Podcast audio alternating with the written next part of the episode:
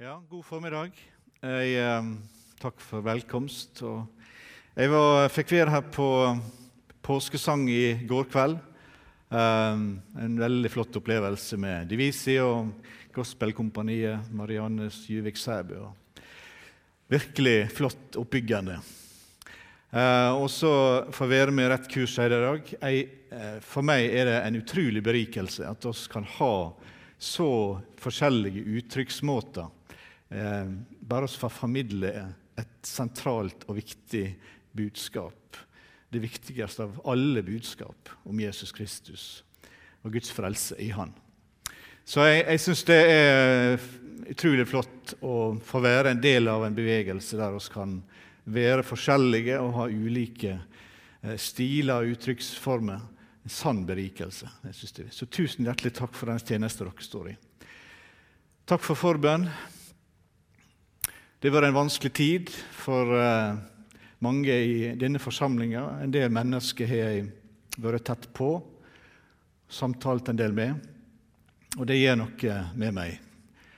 Um, så jeg uh, der er, der er, en del enkeltmennesker som ligger på mitt hjerte, og dere som forsamling ligger på mitt hjerte. Det har jeg lyst til å si. Så um, for oss um,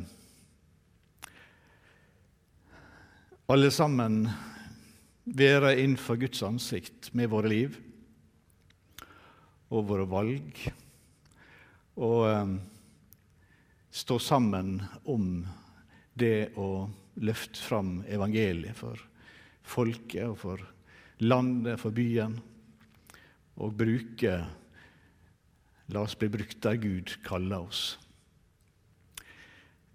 Jeg skal eh, dele dagens tekst denne søndag formiddagen. Den står i eh, Lukasevangeliet, kapittel, eh, kapittel 22. Og det er en del av da ser jeg fastetida, det er budskap til oss eh, også denne søndagen i den settingen. Og Jesus han eh, sier dette eh, til læresveinene sine. Men det er de som har holdt ut sammen med meg i prøvingene mine. Jeg overlet riket til dykk liksom far min har overlatt det til meg, så de skal ete og drikke ved mitt bord i mitt rike og sitte på troner og dømme de tolv Israels etne. Simon, Simon, sjå, Satan krevde å få dykk i si makt for å sikte dykk som kveite, men jeg ba for deg at trua di ikke måtte svikte. Og når du en gang vender om, så styrk brødrene dine.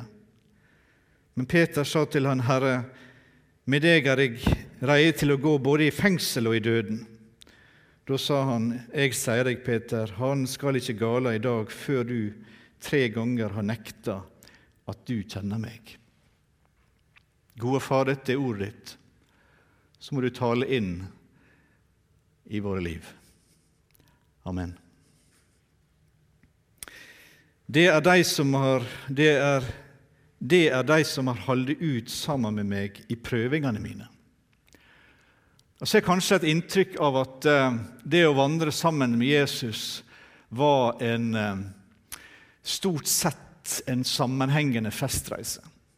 Og det å uh,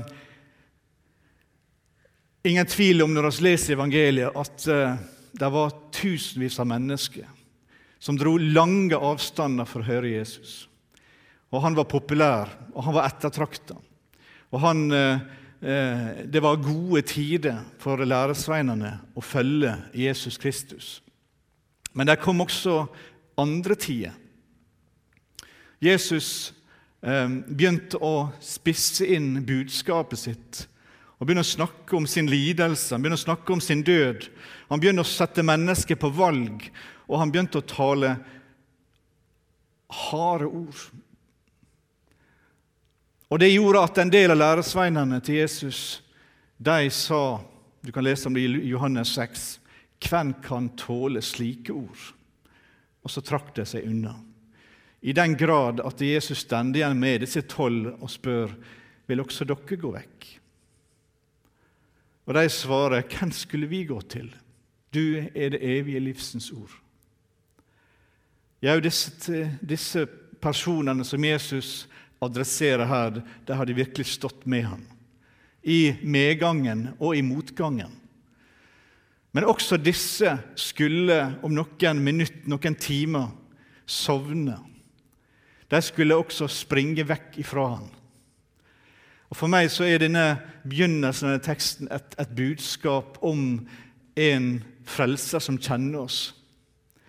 Oss eh, er som disse læresveinene, oss alle. Um, oss er ønsker å følge den Herre Jesus Kristus. Og så veit Han om hvordan jeg er det, og du har det. Hva slags material oss er laga av. Og så veit Han at uh, der er noe som uh, der oss svikter alle sammen. Der er situasjoner der oss ikke strekker til. Der er situasjoner der oss, der oss uh, faller gjennom. Men Jesus han ser og løfter fram og oppmuntrer disse læresveinene for deres tjeneste, for å ha stått sammen med han gjennom prøvingene. Jesus han oppmuntrer oss, og han ser det i ditt liv, i din tjeneste, som er verdt å rose, og løfter det fram. Og skal aldri trøste oss med eller har det som en unnskyldning at sjøl Jesu disipler svikter. Og likevel så viser deres svik oss disiplene sin menneskelige side. Um, livet vårt er som en, uh, som en, en tur på havet. Bølgene går opp, bølgene går ned. Og Vi kan kjenne oss åndelige på høgda, og så finner vi oss like fort nede i en dal. Um, Jesus han veit om deg. Det fins ikke enkle svar, men eh, vi skal få lov å leve i en overgivelse til Jesus. Han som kjenner oss, og som har kalt oss, som kan bruke frelste syndere som deg og meg. Og Så sier han at han overlet riket til disse. Det å lese om Guds rike i Bibelen det er et, et stort studium. og Jeg skal ikke si mye om det her. Men fra første tida da Guds folk, Guds eiendomsfolk Israel, tiltalte Herren som konge i 2. Mosebok 15, så ser vi at dette riket det endrer karakter. Det endrer eh, eh, synlighet. Guds rike er ikke likt gjennom hele Bibelen. Og Da det var ei tid da Guds eiendomsfolk erklærte at han var konge og deres konge, så fikk de erfare hans styring i detaljer i deres liv. Om hvordan han ga dem velsignelser, jordiske velsignelser når han var deres konge. Opplevde medgang da de fulgte Gud. Og så opplevde de også det motsatte i den pakt, nemlig at de erfarte forbannelse og de erfarte tilbakegang da de tok seg andre konger, da de tok seg andre avguder. Og mest da Jesus Kristus, Guds salvede sønn, kom som et menneske og steg inn og levde der iblant mennesker, så erfarte de kreftene i Guds rike. Guds rike var kommet nær fordi kongen hadde kommet nær. Kongen var midt imellom dem. Og Følgelig så demonstrerte han disse Guds rike kreftene med tegn og under, og det samme hendte ved de disiplene som han sendte ut. Men de forkasta han. De forkasta kongen sin og ville heller ha Barabbas. I dag så lever jeg og du i et åndelig Guds rike. Romerbrevet 14 sier at Guds rike ligger ikke i mat eller drikke, men i rettferd og fred og glede i Den hellige ande. Ved Guds nåde så kan vi erfare også um, de manifestasjonene som er en kjennetegn på Guds synlige rike. Og I vår nød og i vår hjelpeløshet så skal vi få komme fram for nådens trune og legge fram for Gud alt det som oss har på hjertet. Men oss har i denne tid ingen løfte om jordisk velsignelse, om helse osv., slik vi kan lese om Guds løfte til Israel i den gamle pakt. Og i det åndelige Guds rike så lever oss under Han som vil velsigne oss med all åndelig velsignelse i himmelen i Kristus. Og Peter han skriver at hans guddommelige makt har gitt oss alt som tjener til liv og til Guds frykt. Men vi tror også at kongen en dag skal komme igjen. Vi tror ut fra Guds ord at han skal komme tilbake for å opprette sitt rike i denne verden.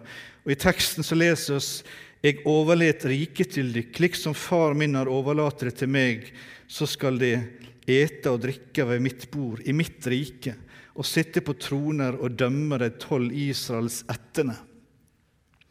Og I Matteus 19 så utdyper dette Jesus dette slik og sier i vers 28-30. Sannelig sier jeg dykk, når verden skal fødes på nytt, når menneskesonen sitter på helligdomstrona si, da skal det òg som har fylt meg, sitte på tolv troner og dømme de tolv Israels ættene. Og hver den som har forlatt hus eller brødre eller søstre eller far eller mor eller barn eller åkra for mitt navns skyld, skal det få det hundrefold att og arve evig liv. Men mange som er de første, skal verte de siste og de siste de første. Dette er også en del av Guds ord. Dette er en del av Guds rike. Men nå har altså eh, Jesus overlatt budskapet om hans rike til hans apostler og hans disipler som blir sendt ut til å formidle evangeliet om han. Og så sier Jesus da i, tilbake i denne teksten. Simon, Simon, sjå, Satan krevde å få dykk i sin makt for å sikte dykk som kveite. Og da ikke den som er nede på havsens bunn, men en eh, annen type kveite.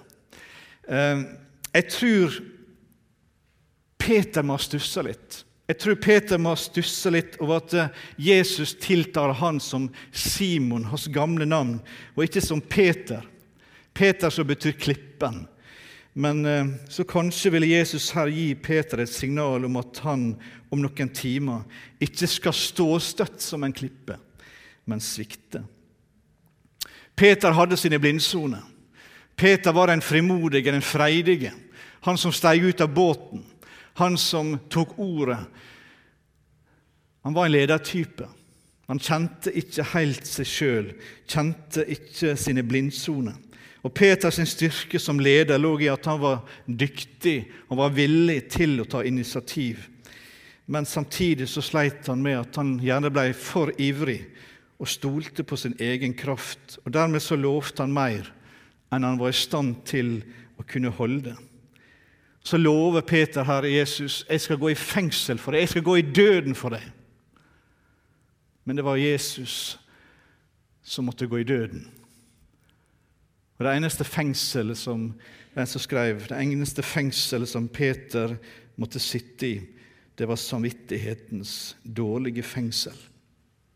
Peter som svikta totalt. Men, sier Jesus, jeg ba for deg. Og Det er hovedpoenget mitt i denne preika i dag.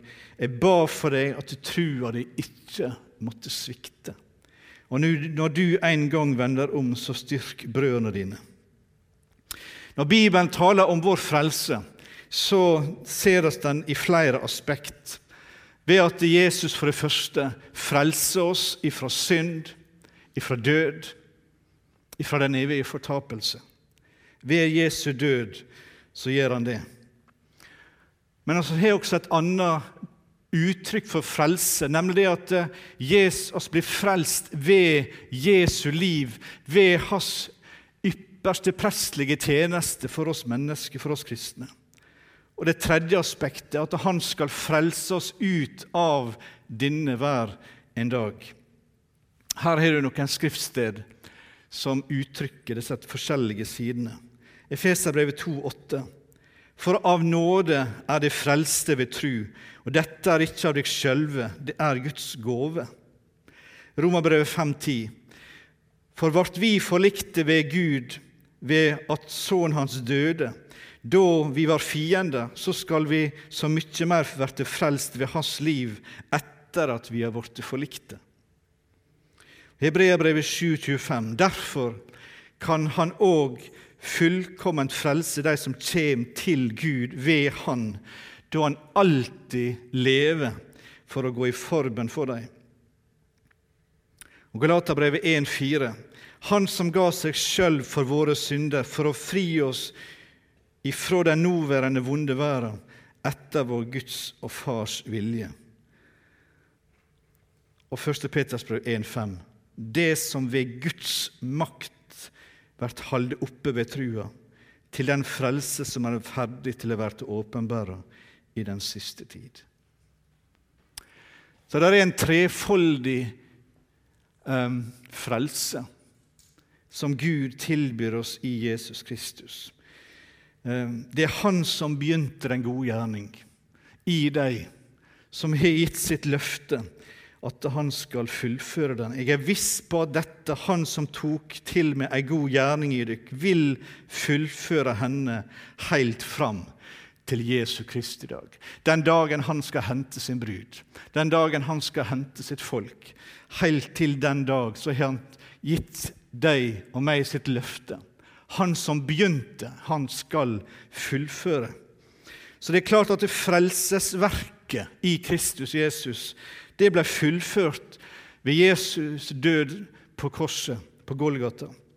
Og ved hans oppstandelse, ved hans seierrike oppstandelse. Men hans frelsesgjerning for oss er enda ikke ferdig. Han skal hente sitt folk. Han skal også frelse Israel, og de skal se Jesus som Messias. Så er Jesus ved Guds høyre hånd så ber han for alle som tror på han. Og han ber ikke for verden, sier han i Johannes 17,9. Jeg ber for deg. Jeg ber ikke for verden, men for deg som du har gjeve meg, for de er dine.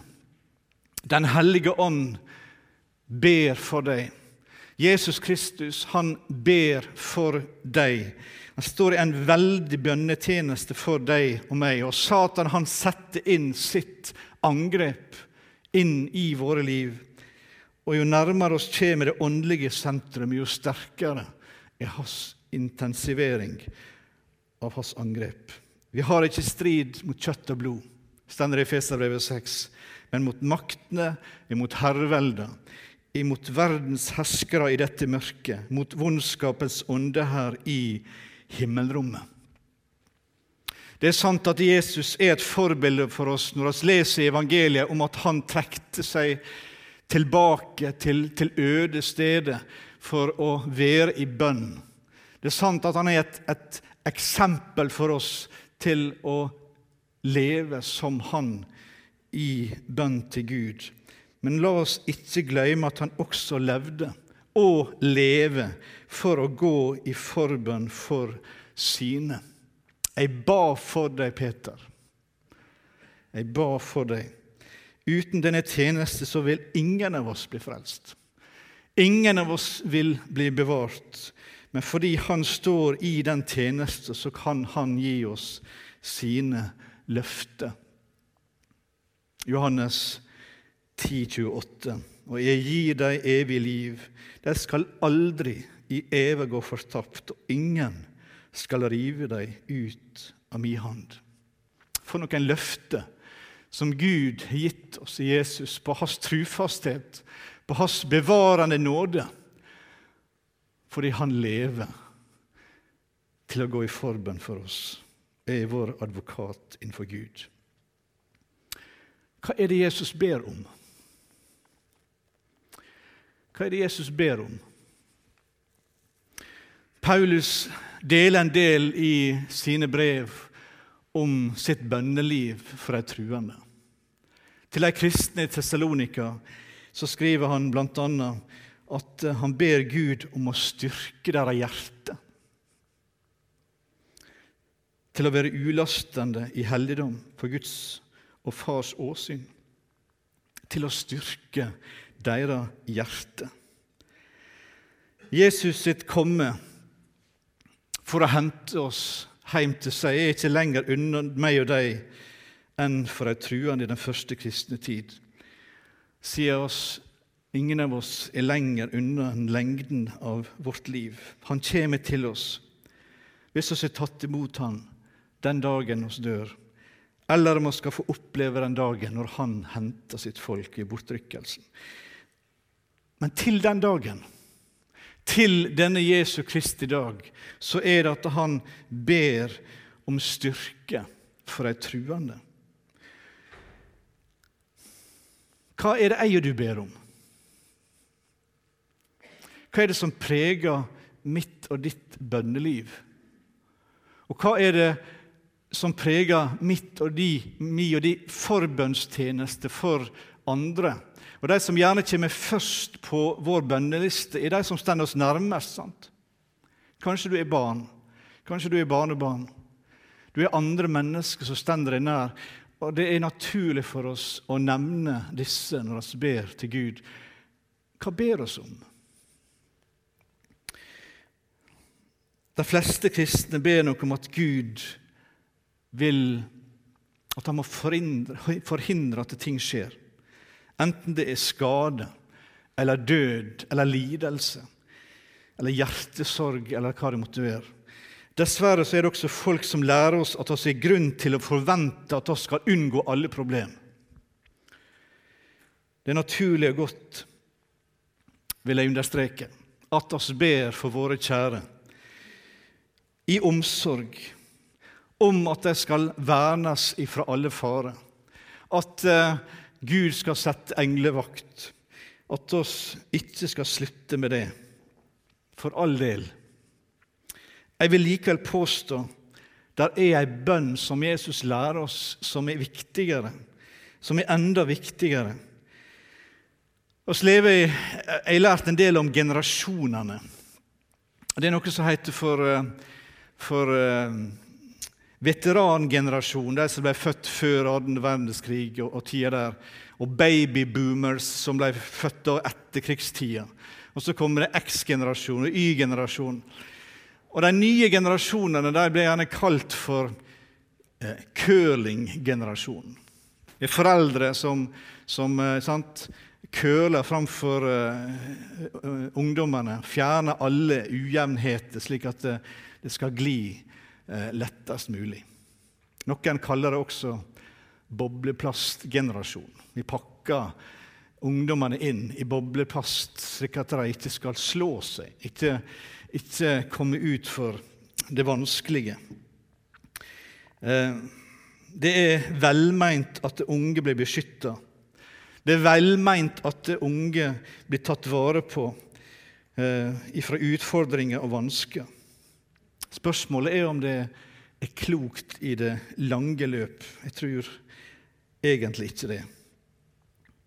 Du som ber for dine, om at Gud må verne deg fra alle trengsler og fare. Hvis du ser tilbake på ditt eget liv, så er det jo slik at du er gått på noen skjær av og til. ikke det sånn? Hvis du ser tilbake på ditt eget liv, så er det gjort noen erfaringer, noen dyrkjøpte erfaringer som du gjerne skulle være foruten. Derfor så vet du at dine kjære også vil gjøre det samme. Derfor så vet du at når vi lever i en verden preget av syndefallet sine konsekvenser, som vi gjør, så vil mennesket komme ut for prøvelser og lidelser og fare. Og Spørsmålet er da har oss bedt for dem slik at de kan overkomme de skjæra som de vil gå på. Det nye testamentet viser oss at det motstand og prøvelser er nødvendig i våre liv. Og Gud gir oss noen ganger det vi ber om å løse våre problemer. Og det er ikke galt å be om både det ene og andre som oss mener er fornuftig og rett, dersom også oss forstår at Han har en fullkommen rett til å si nei til det oss ber om. Men det Han forteller oss, er at oss ikke skal be om å unngå alle utfordringer og vansker, men at det som går gjennom, oss gjeng gjennom, skal bli brukt i våre liv. Og her i de siste timene før påskebudskapets drama skjer, så er det alt han sier til Peter, hans mest plagsomme apostel. Simon, Simon, sjå Satan krevde å få deg i sin makt for å sikte deg som kveite, men jeg ba for deg. Hva er det Jesus ba om? Han ba ikke 'Nå må du ikke la dette skje'. Stopp Satan ifra å ta tak i han. Men Jesus ba, 'Jeg ba for deg, Peter, at du trua deg ikke måtte svikte'. Jeg ber Far i himmelen om at når Satan setter inn sitt angrep, når han, Peter, må gå gjennom angsten, når han må gå gjennom hjertesorg og en bunnløs fortvilelse og hans livs største nederlag, så ber jeg om at når det skjer, så skal trua hans likevel få være fast. At du vil føre han gjennom det og bruke det til noe godt i hans liv.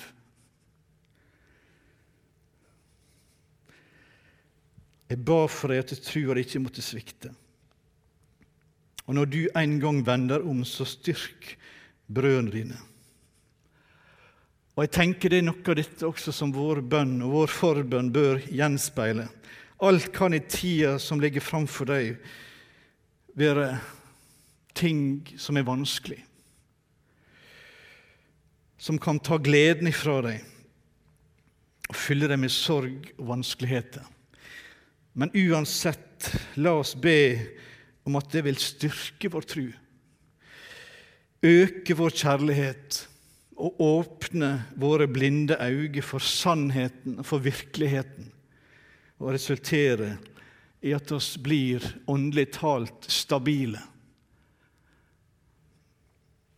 i en tid som er preka av uro, av ustabilitet, i en rotløs verden.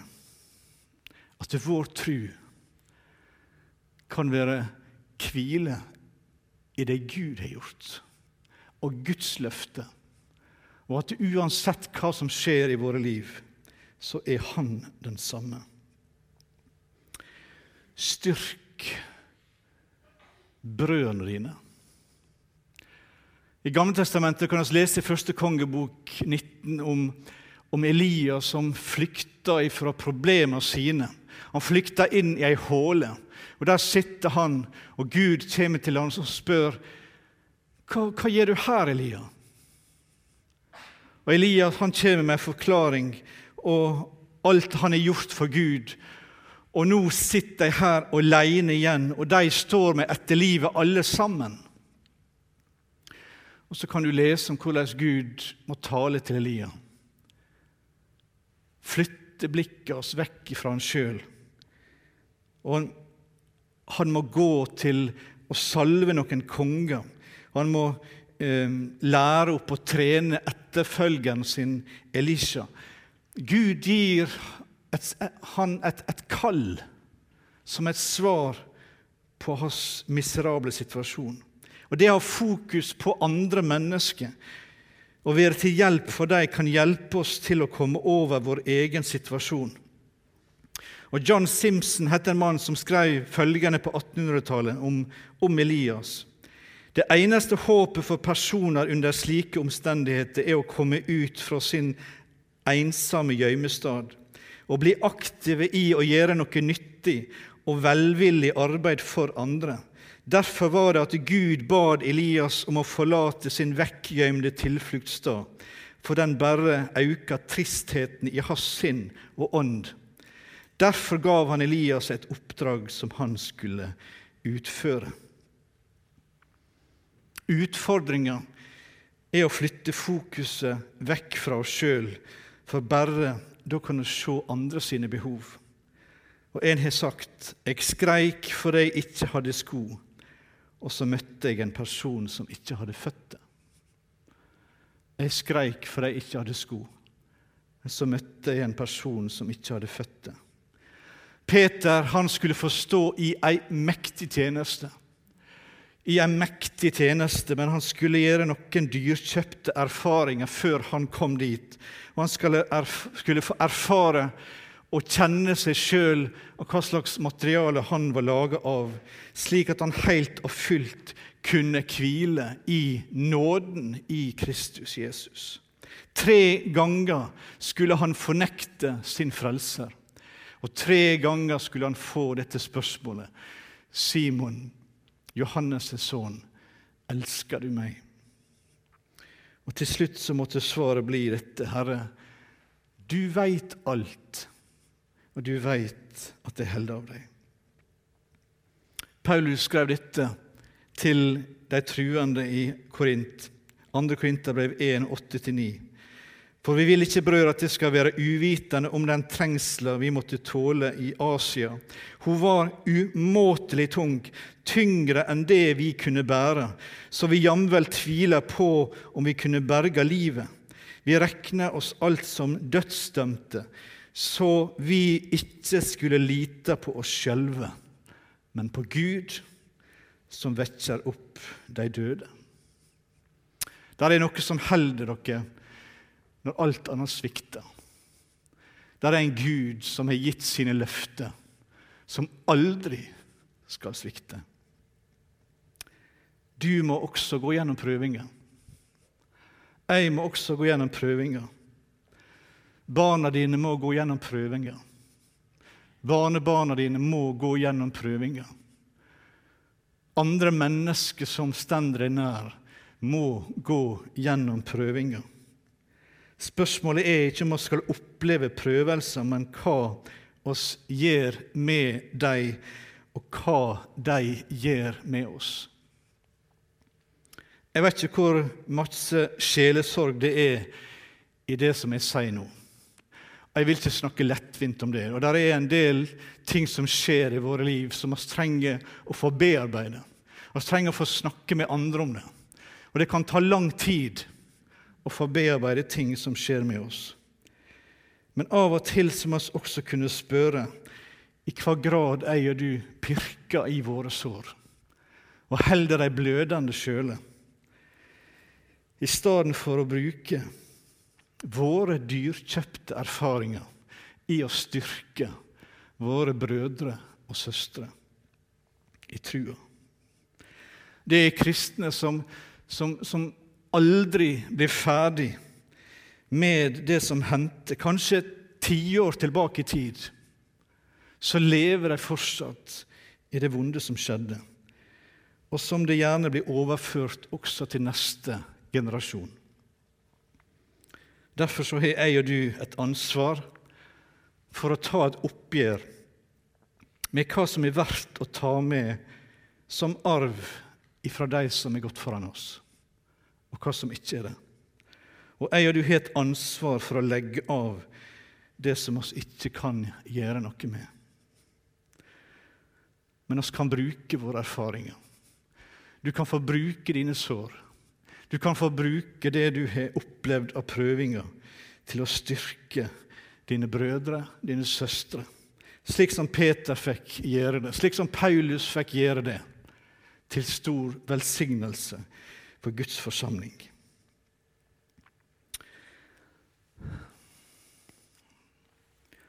Jeg, eh, som Anne sa i går kveld, jeg kommer, kommer rett ifra Krakow i Polen. Og det, De inntrykkene som du får på en sånn reise til en sånn plass, det, det er ikke bare å skru av en bryter. Um, besøkte Krakow, um, en by som før krigen var på en kvart million mennesker. Der en fjerdedel av de var jøder Og I dag så vet jeg om kanskje 150 jøder i den byen.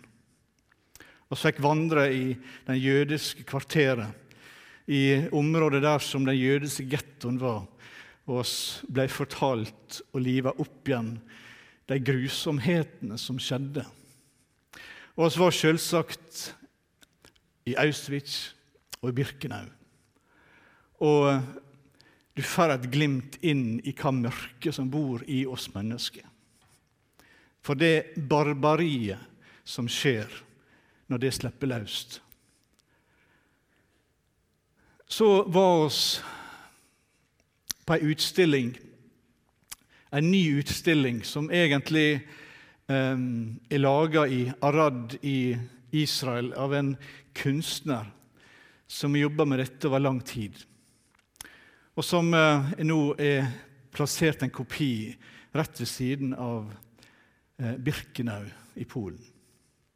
Og I denne utstillinga er det at han eh, framstiller Jesu sju ord fra korset, der han henger nagler til korset og uttaler disse sju budskapene. Og framfor han så er det en representant for seks millioner overlevende jøder som skal forholde seg til disse budskapene som Jesus forteller. Og jeg kunne sagt masse om det. En utrolig sterk opplevelse. Men det som eh, for meg var Jeg kom til det fjerde ordet. Eli, Eli, lama sabachthani. Min Gud, min Gud, Hvorfor har du forlatt meg? Så har kunstneren gjort det grep at den gjenkjennelige Jesus-skikkelsen, han er bytta ut med den overlevende sjøl. Kroppen, ansiktet til han som henger og er forlatt av Gud, er laga av offeret sjøl. Gud sin vei til vår frelse, som gjenger gjennom lidelsen, og der han tar vår plass og vår stad, en lidende Gud. Han ble såra for våre brudd og knust for våre synder. Straffa lå på han så vi skulle ha fred, og ved hans sår har vi fått lekedom. En slik Gud har oss med å gjøre. En Gud som er vel kjent med lidelse. En Gud som er vel kjent med sykdom. En Gud som ber all menneskelig lidelse, uansett hva du gjenger gjennom i ditt liv. Han ber det på seg, og han bar det opp på korset. Jeg og du kan oppleve at Gud er langt vekke. Men ingen av oss, ingen av oss har erfart at Gud har forlatt oss. Utenom Han som hang på det midterste korset på Golgata. Han erfarte hva det vil si å være forlatt av Gud, fordi du og jeg skulle slippe å erfare det i evigheten.